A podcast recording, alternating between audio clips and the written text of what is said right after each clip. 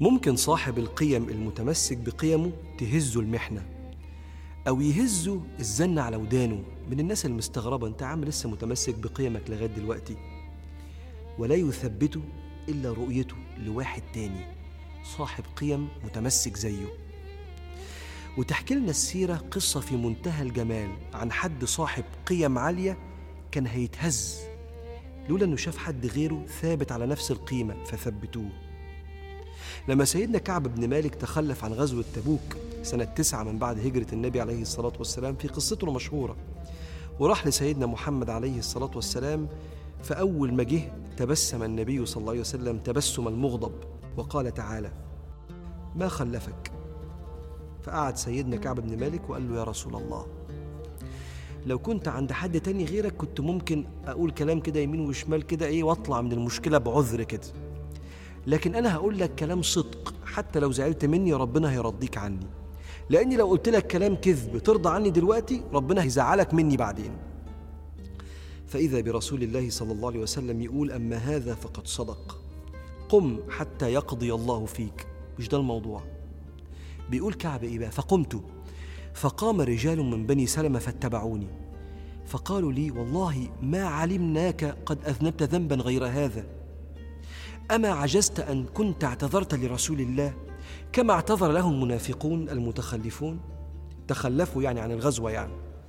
أما كان يكفيك استغفار رسول الله؟ أصلا لما كان حد بيخش يعتذر للنبي حتى لو كذاب كان النبي يقول له قم غفر الله لك غفر الله لك.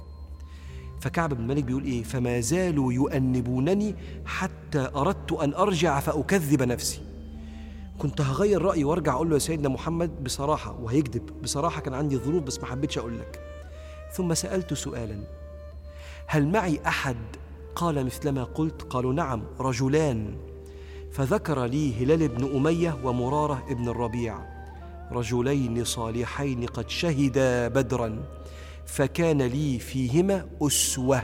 فمضيت. حين ذكروهما لي في حد زيي؟ ما كذبش؟ آه في اتنين رجالة جدعان قوي من أهل بدر من كبار الصحابة. في حد ثبت زيي؟ أنا لا يمكن أكذب. هم ثبتوه سخريتك أو استغرابك من المتمسك بالقيم اللي ترضي ربنا ممكن تبقى سبب أساسي في تنازله عنها.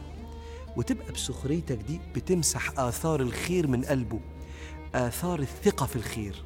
وآثار الثقة في الخير اللي وضعها في قلوبنا رسول الله صلى الله عليه وسلم. ده من أثر النبي.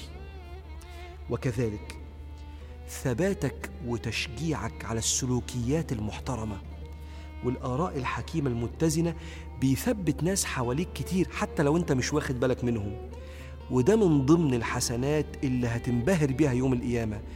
لأن ربنا خلى النبي يقول لنا عليه الصلاة والسلام من دل على هدى فإن له مثل أجر عامله إلى يوم القيامة.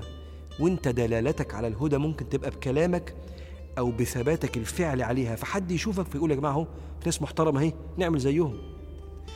لو أنت كنت كده هتبقى أحد أسباب ثبات الناس. فربك يقول عليك أو من كان ميتا فأحييناه. وجعلنا له نورا يمشي به في الناس. ثباتك أكنك ماسك شعلة في وسط الضلمة وبتنور للناس طريق ربنا سبحانه وتعالى. صدقني ده في ناس زيك كده صبرت على قيامها فربنا أثر بيهم في ناس بعدهم بآلاف السنين. سيدنا رسول الله بعد سيدنا موسى بآلاف السنين. مرة واحد جه يمسك سيدنا محمد كده من حاشية البرد يعني من لياقة القميص وقال له أعطني من مال الله الذي آتاك فليس مال أبيك ولا مال أمك. بص بيتكلم مع النبي إزاي؟ فقال النبي صلى الله عليه وسلم يرحم الله أخي موسى أوذي بأكثر من هذا فصبر. ده موسى أخويا ثبت على أكتر من الحاجات دي على الصبر قدام بني إسرائيل اللي كانوا أكثر في سوء الأدب. فكأن سيدنا النبي بيعلمنا إن ممكن يبقى قدوتك واحد تاني ثبت الناس الثابتة دي اللي بتثبت اللي حواليها هم سر بقاء الأرض. ربنا قال في القرآن فلولا كان من القرون من قبلكم أولو بقية ينهون عن الفساد في الأرض إلا قليلا ممن أنجينا منهم واتبع الذين ظلموا ما أترفوا فيه وكانوا مجرمين. معنى الآية إن في كل عصر ناس ثابتة على القيم. لما حد بيشوفهم بيقولوا هم دول الناس الباقية اللي- فيها خير هنبقى جنبهم. فخليك منهم. كن منهم في مجالس الغيبة ودافع عن الشخص اللي مش موجود اللي بينهشه في لحمه وثبت المتردد. كن منهم في أول ساعتين الصبح في الشغل والناس اللي قاعد على الفيسبوك واللي بياكل واللي بيفطر وتعدي من 8 ل 10 بدون إنجاز وأنت شغال. فاللي نفسه يبقى كويس يقلدك. كن منهم عند سماع الأذان وقوم صلي. فاللي إيه بيشاور عقله يقول الله في حد بيصلي يلا نروح نصلي. كن منهم في إشاعتك لألفاظ شيك وراقية بدل الألفاظ النابية اللي ملت بيوتنا والعيال اتعلمت من الأب والأم. كن أنت وريث رسول الله في الحياة فتبعث معه يوم يقوم الناس لرب العالمين. فاللهم ثبتنا وثبت الناس على أيدينا واجعلنا هداة إليك ومهتدين في الدنيا بين يديك.